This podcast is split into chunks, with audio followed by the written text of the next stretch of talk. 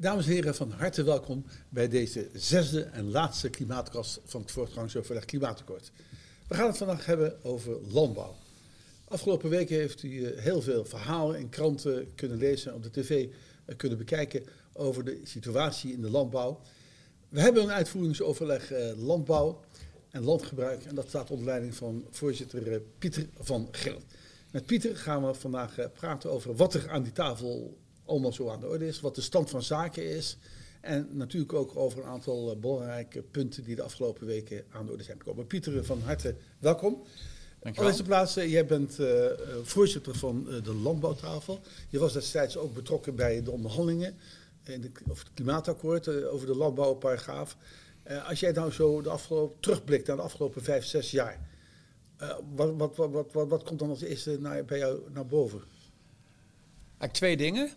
Ehm, spontaan dan. Eén is, is dat ehm, in die jaren langzaam maar zeker het besef in de, in de brede landbouwsectoren gegroeid is dat het echt serieus is wat we met het klimaat moeten doen. Uh, dat was wel sceptisch in het verleden, maar dat merk je eigenlijk niet meer. Dat komt ook omdat de boeren zelf uh, de effecten van het klimaatverandering merken. Hè. Het is niet alleen iets van elders en, uh, en, en in de tijd ver weg, maar het is nu. Ehm, het tweede is dat de uitvoering ehm, altijd weer wat barstiger is dan je denkt. Dat zijn eigenlijk de twee beelden die voor mij. Maar het eerste is natuurlijk wel het belangrijkste, want dat merk ik ook aan de tafel. Aan de tafel is geen discussie over dat we iets moeten doen. Ook geen discussie dat er een evenredig deel gedaan moet worden. Um, uh, maar er is discussie over ja, het is wel erg ingewikkeld. Er komt wel veel op ons af.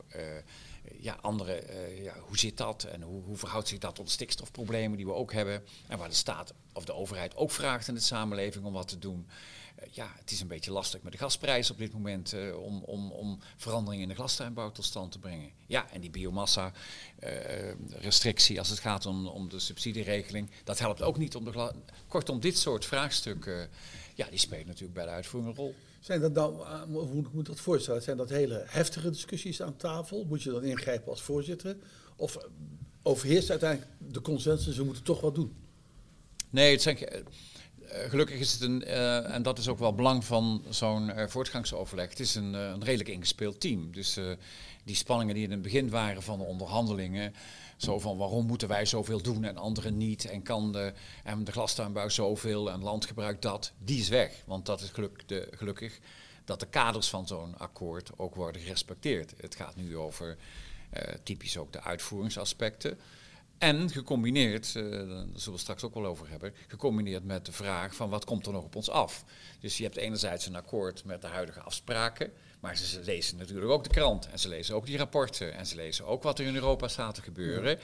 En dat komt dus als een schaduw toch op je af. En dat beïnvloedt uh, uh, natuurlijk ook de, de, de, de, de het, het, gedrag van mensen, de houding. Maar dat gaat niet vanuit een vijandige sfeer. Ook niet tussen de milieubeweging en, uh, en de landbouw. Als je kijkt naar de doelstellingen die we hadden als tafel, de tonnen CO2. zijn die binnen handbereik of niet, denk je, voor 2030? Nou, lastig. Ik zeg heel eerlijk, het is, uh, dat, dat wordt uh, um, erg lastig. Um, kijk, er is een, uh, zonder nu een verhaal te vertellen van Apert heb je mooie jongen. dus alles te, te, verklaren en zoals de Fransen zeggen, savoir c'est pardonner, hè, als we toch weer op vakantie mogen. dat wil ik niet doen, maar er zijn natuurlijk wel een aantal elementen die dat moeilijk maken. Het eerste is dat we een, een sector hebben, bestaat uit duizenden, duizenden mensen die verantwoordelijkheid hebben voor de uitvoering daarvan. Kijk, als je, een, als je een kolencentrale wil sluiten, dan doe je dat of doe je dat niet. En dan kost je geld en dan heb je met de aandeelhouders te maken, met het bestuur. En dat doe je. Maar als jij zegt, wij willen de wijze van bedrijfsvoering van bedrijven aanpakken en veranderen omdat dat klimaatgerichter moet, dan praat je over gedragsverandering van mensen. Want je kunt niet bij wet regelen hoe mensen moeten ploegen of andere dingen moeten doen. Dat moet je gewoon overdragen. En dan heb je te maken met organisaties die aan tafel zitten met hun achterbannen, met ook nog allerlei spanningen in die achterbannen. Hè. Dat, hebben we de afgelopen jaren ook gemerkt dat die spanningen er zijn. Dus dat is veel lastiger.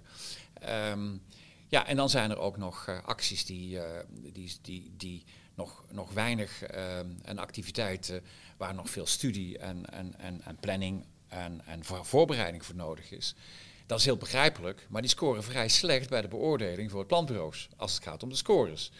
En dat geldt met name voor het hele landgebruik. Hè, het bos uh, zorgen dat er koolstof in de bodem komt. Uh, nou, al die maatregelen die daar betrekking hebben. Ja, daar is nog de vraag, hoe werkt dat precies, hè, technisch gezien?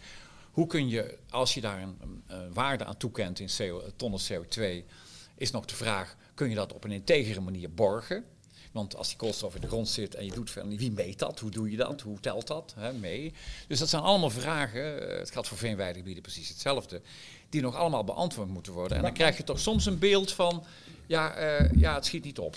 Nee, maar, maar dan zeggen ze dus van het zal heel lastig worden om die doelen te halen. Nou, eh, we weten dat uh, Frans Timmermans die komt, uh, is met zijn pakket voor Europa gekomen.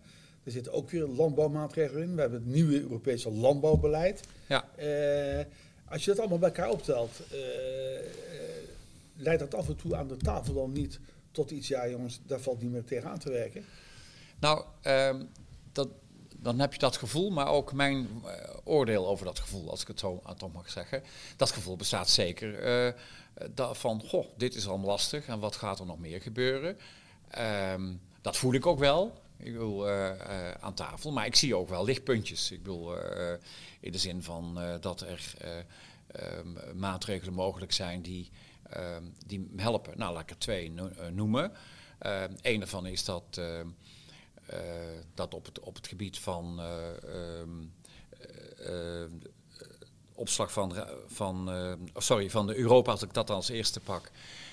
ja, dat daar maatregelen genomen worden die Um, waarbij op een duurzame manier produceren uh, gehonoreerd wordt uh, en minder duurzaam niet. Dus er zitten ook impulsen in het, in het, in het, in het landbouwbeleid om, om dat om te, te, stimuleren.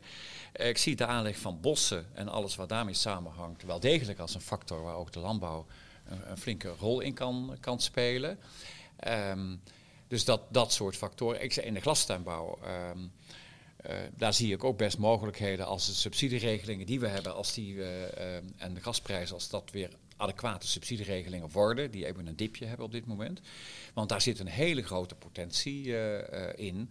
Dus er, zitten wel factoren in die misschien weer in positieve zin ja. het ambitieniveau kunnen bijstellen. Buiten die doelstelling van het klimaatakkoord, het gaat, dan, het gaat over CO2, is ook de, de hele stikstofellende.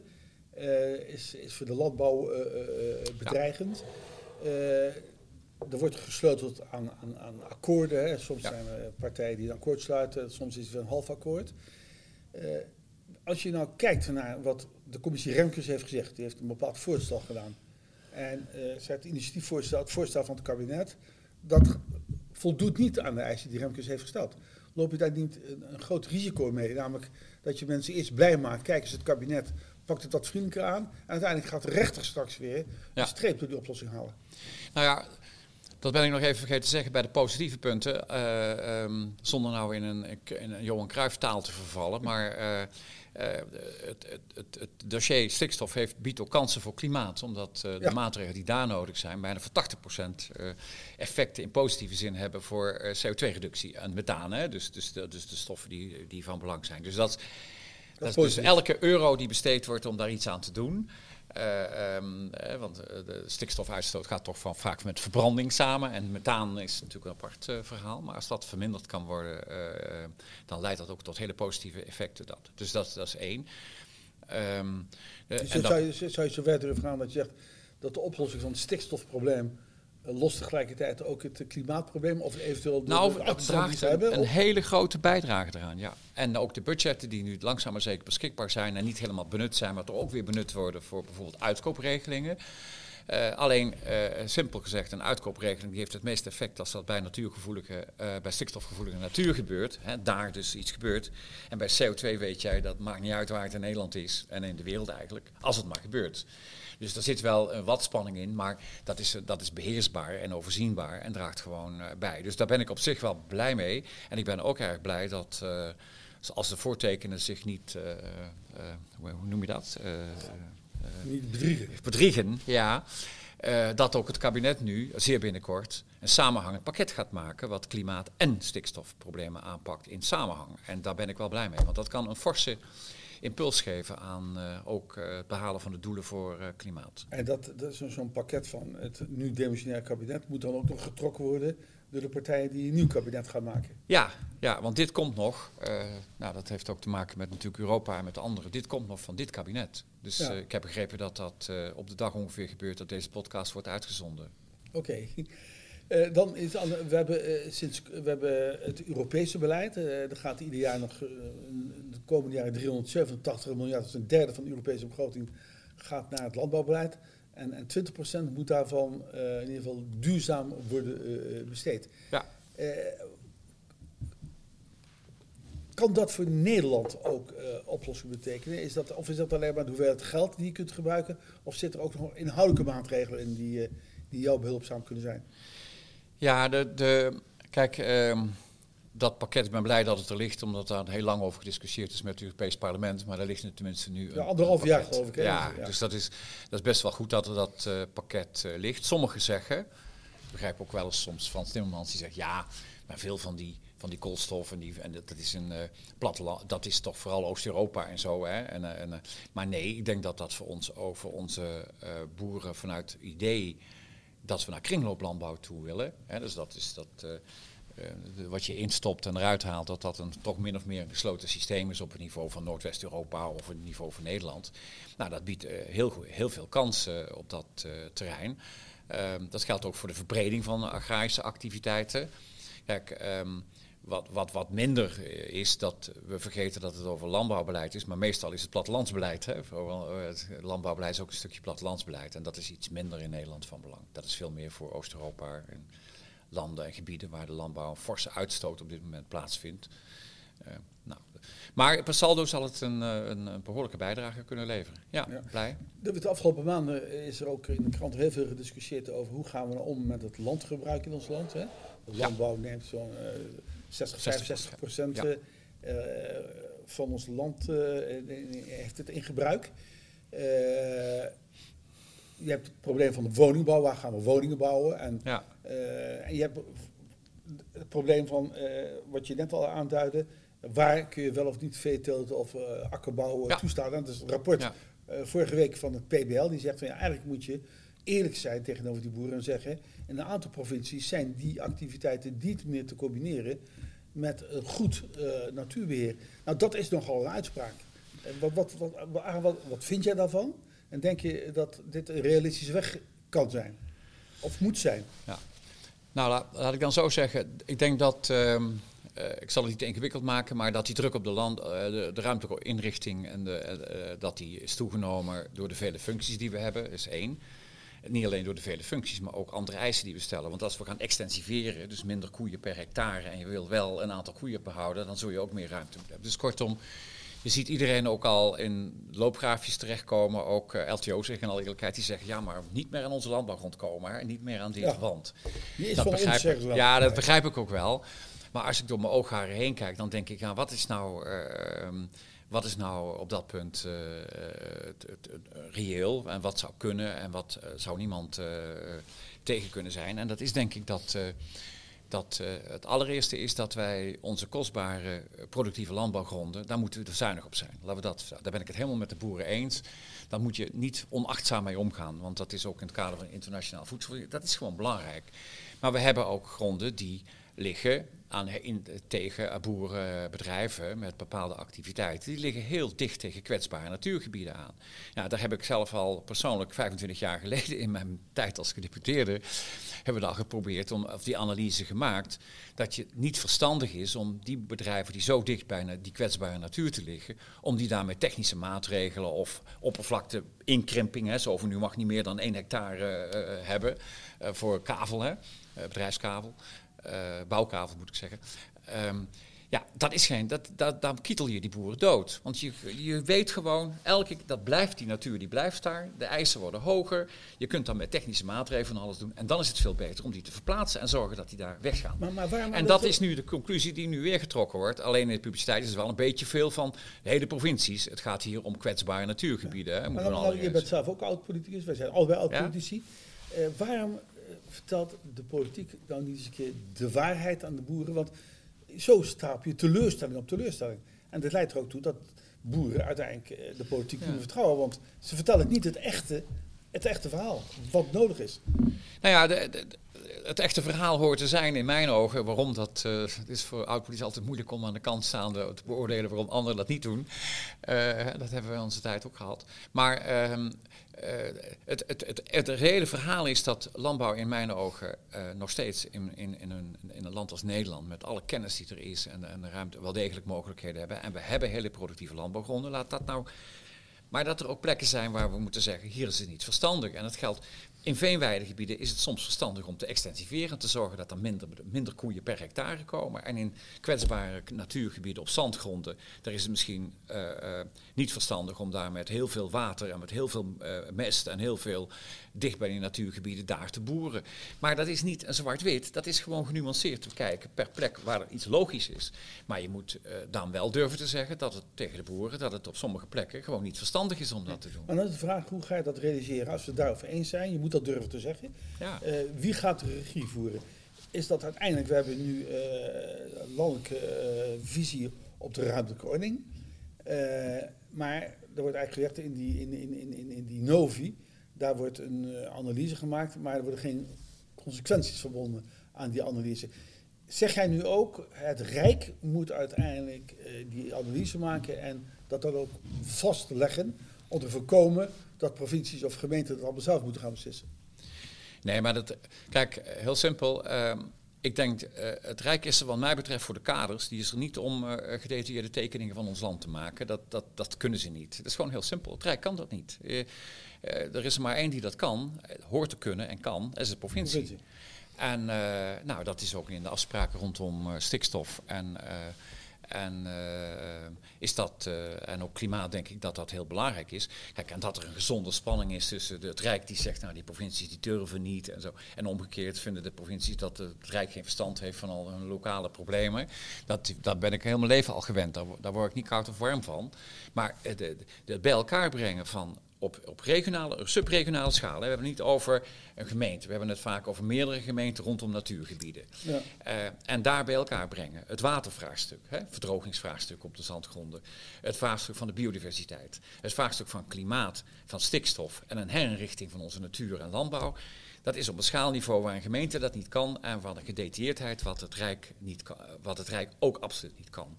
Wat, we, wat, wat ik mis, en dat is misschien al wel een uh, hartekreet is, daar hadden we vroeger de dienst, uh, een dienst voor. Die dat, gebied. Juist, juist, meneer Nijpels. Die hadden we. En die kon daar met een professionele ondersteuning en een beetje de politieke luwte, kon die daar heel goed werk doen. Daar werden landrichtingsplannen voor gemaakt. En dan moet je niet zeggen, ja, maar die landrichting heeft heel veel dit gedaan. Nee, als je het land richting andere doelen meegeeft, kan op dezelfde wijze, hè, uitvoeringsgericht, gewoon hands-on, tien jaar lang bezig om dat te doen. Maar dat kan een weg zijn, maar je zult eerst toch die landelijke overheid moet wel kaarten stellen. Ja, ja, ja. in, in die ja, die, uh, die, die heeft te veel open einden. Ja, als jij, als jij uh, zegt, uh, de, als jij de, de, de, kaders niet definieert, dan of verkeerde kaders uh, hanteert, dan gebeurt natuurlijk ook niks. Ik bedoel, je zult een juridisch instrumentarium uh, moeten hebben. Als het om stikstofrechten gaat, je zult een, hè, bijvoorbeeld, je zult een, een je zult financiën ook een rol moeten spelen. want er zal ook dit proces ga, ga van verplaatsen en, en, herinrichten. Want eigenlijk is het een soort herinrichting van ons landelijk gebied. Dus ik zou niet willen praten van in sommige gebieden kan helemaal. Nee, wat je doet is opnieuw herinrichten met de nieuwste inzichten en de belangrijkste beleidsterreinen: stikstof, water, biodiversiteit, landbouw. Hè. Daar vraag je een nieuwe herinrichting van ons landelijke. Maar eigenlijk wat je nu zegt, dat moet leiden tot een, een nieuwe Novi. Die Novi is net oud. Daar zegt iedereen van op zich een prachtig stuk. Mooie analyses, maar er worden geen consequenties aan verbonden. Nee, er worden geen doelen gesteld. Dus nee. je zou dus moeten zeggen, een nieuw kabinet, nee, als je dat allemaal wil combineren wat jij zegt, en je wilt ook nog even plaatsen vinden voor, voor woningbouw, ja. dan leidt dat toch tot een nieuwe visie op de ruimte. Nee, maar kijk, je, wat je vaak ziet is dat, uh, dat uh, jarenlang eh, een, een, een, heel centralistisch beleid gevoerd is. Werd gezegd, nee, ik vond van niet, maar in de tijd dat ik gedeputeerde was, dat is 20, 25 jaar geleden. Dat moest allemaal anders, want uh, uh, dat was veel te centralistisch en, en onmaatschappelijke ontwikkelingen werden, werden onnodig beperkt. Dat leidde ertoe zelfs de vijfde nota niet meer kwam, want er werd daar nota ruimte. Dat geeft aan dat ook het Rijk niet meer die ordenende taak zag, ook in de samenleving niet meer, op brede terreinen, niet alleen ruimtelijke ordening, maar ook sociaal-maatschappelijke. En die ordende taak, dat moest maar de provincies doen. Dat was de lijn heel lang. En langzaam maar zeker merken we, waarbij voor mij gevoel psychologisch gezien het feit dat de gemeente zelf zeiden langs de onze Noordzeekust, die beoordeling toen, ik geloof een kabinet Rutte 1 of zo was dat aan de orde. Toen gezegd van ja, maar dat gaan we toch niet per provincie en per gemeente doen. Dat moet het Rijk doen. Dat dat een moment is geweest waarop langzaam maar zeker dat er ook weer inhoudelijke taken op rijksniveau moeten gebeuren. En je vijftel van de ordening. En dus is er, zal er iets meer ordening zijn. Alleen sla nou niet door doordat er weer, weer plankaarten krijgen die op, die op rijksniveau uh, gemaakt worden. Uh, er mogen wel, ze mogen wel een schets maken, zeg je dan. Maar alsjeblieft, de situatie in Oost-Brabant is echt anders dan West-Brabant. Dat weet jij zelf ook heel goed. Dat is totaal anders. Rivierengebied is allemaal binnen één provincie. In een verstedelijk gebied is totaal anders dan in wat, wat leeglopend uh. Dus ga nou eens een keer met die bril kijken, maar zorg wel voor een eerlijke instrumentarium. En daar hoort ook bij, en dat zal nog het grootste probleem zijn, dat ook de, de samenleving, maar ook de, de politiek op die niveaus van gemeente, provincie, rijk ook deze taakverdeling respecteren. En dat maakt het moeilijk. Omdat, uh, maar, maar dat, kun je dus alleen maar, want als elkaar niet respecteren, dan moet je doorzettingsmacht hebben. Ja. De ene overheid over de andere. Ja, dat, dat, uh, dat zal af en toe uh, nodig zijn, maar je moet het natuurlijk ook weer niet zo formuleren, want dat is een subtiel verhaal. Dat als jij doorzettingsmacht hebt en, dus, en dat, dat wordt te gemakkelijk ingeroepen, dan gaan de partners aan tafel die, die wachten wel. Die gaan wachten, wachten wel. Ja, laat het Rijk maar doen. Ik bedoel, ik zie dat nou op een ander dossier waar ik bij betrokken ben, wat niets te maken heeft met dit, maar met Schiphol. Daar zegt iedere gemeente rondom Schiphol, laat het Rijk maar bepalen. Ja, dat, dat, dat, want de weg gaat niet over de groei, dat is het Rijk. Dus uh, ja, dat was twintig jaar geleden onvoorstelbaar, maar nu is het gewoon zo van het Rijk maar. Nog, nog even een ander onderwerp, uh, de strijd landbouw en, en volkshuisvesting. Je bent zelf ook als staatssecretaris actief daarbij betrokken geweest, ook als gedeputeerde. Is dat een onzinnige tegenstelling? Ja. Ja. En, maar, maar, en waarom zegt iemand niet, wat, we hadden het over 65% is landbouwgebied. Ja. Als je er 2% van afhaalt, hè, als je dat in theorie even, dan zou je alle volkshuisvestingsproblemen Nee, maar kijk, je, je, moet, je moet het zo vertellen, en zo is het ook zo, dat je zegt, mensen, wij hebben, uh, het gaat niet om die oppervlakte, dat is, een, dat is niet, in Nederland, het veel grotere probleem is in Nederland niet precies hoeveelheidsverdeling. In Nederland is veel meer de, vraag hoe wij ruimtelijke kwaliteit kunnen leveren. Want uh, ik bedoel, het is vaak een, een oppervlaktediscussie, het gaat om de ruimtekwaliteit. Maar één, iedereen die die, die vind ik heel verstandig, ook in mijn eigen dorp en andere.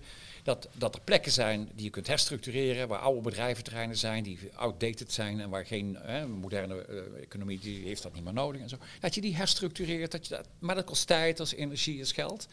Maar als je dat niet doet, dan kun je zo in de wei bouwen. Dat zou ik niet doen. Dus ik zou eerst beginnen, laten we nou serieus kijken. En, laat je niet overhaasten, maar dat is, dat is een langdurig... Daar zijn we lang mee bezig en dat heeft ook wel resultaat. Nou, en als dat dan onvoldoende is en ook rekening houden met de kwaliteit aan woningen. Want je kunt natuurlijk allemaal, als mensen allemaal graag in de stad willen wonen, aan grachten of op, op appartementen met wijdse views over stedelijke omgeving. Ja, dan moet je niet in een Vinex-achtige wijk gaan bouwen. Maar als er die behoefte er toch is om ruim te wonen met kinderen, jonge kinderen, weet je wel, dat hele verhaal. Ja, dan moet dus ook de, niet alleen dus de, dus de tweede opmerking is, het gaat dus ook om om, om eh, kwaliteit wat je gaat bouwen en niet alleen in aantallen. Nou, en dan kun je in de analyse komen in sommige delen dat je toch op uh, uitbreidingslocaties gaat bouwen. Ja, en dan is het al van de al honderden, honderden jaar zo dat dat natuurlijk niet gebeurt in bossen. Tenminste, dat tot een jaar 60 gebeurde dan nog wel.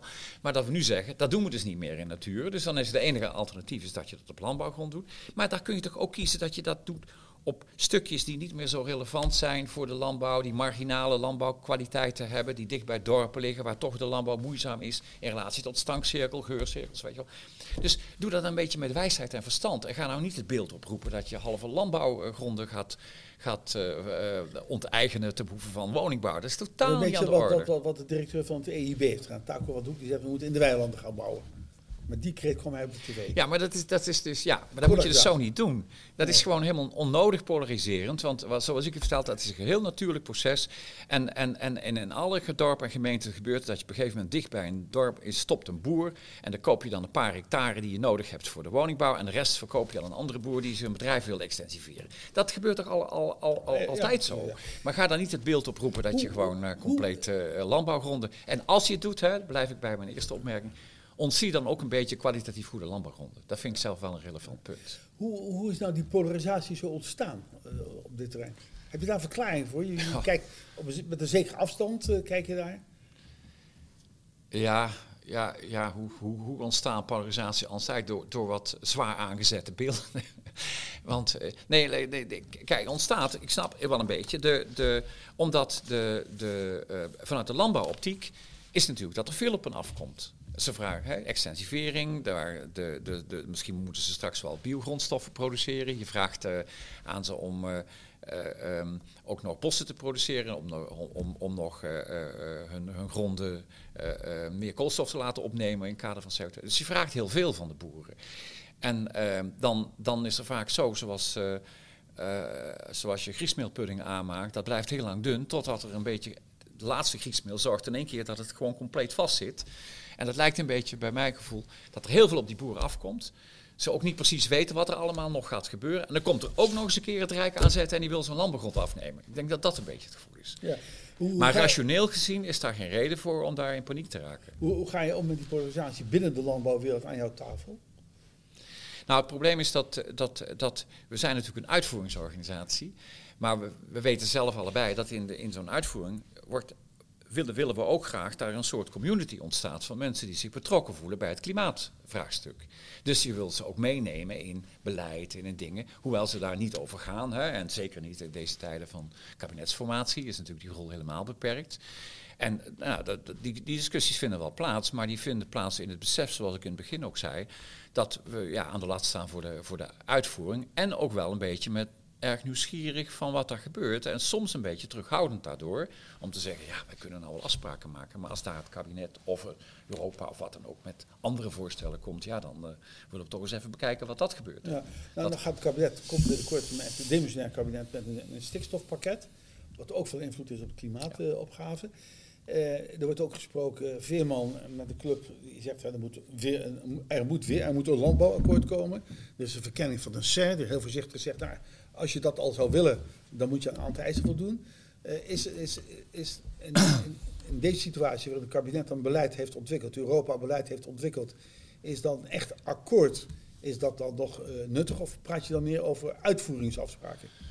Kijk, een van de, van de grootste problemen is dat er uh, in de landbouw is dat het dat in, het, in, in, in de discussie over landbouw even ontzettend veel factoren bij elkaar komen die allemaal, uh, um, nee, allemaal, ja, laat ik het zo zeggen, factoren bij elkaar komen die allemaal buitengewoon relevant geacht worden op dit moment. Dat is de, ja, wat ik al zei, de waterproblematiek, de verdrogingsproblematiek, uh, het is de biodiversiteit, het is stikstof, het is klimaat, het is de economische veranderingen die natuurlijk plaatsvinden in de wereld en nog, nog een aantal andere dingen meer.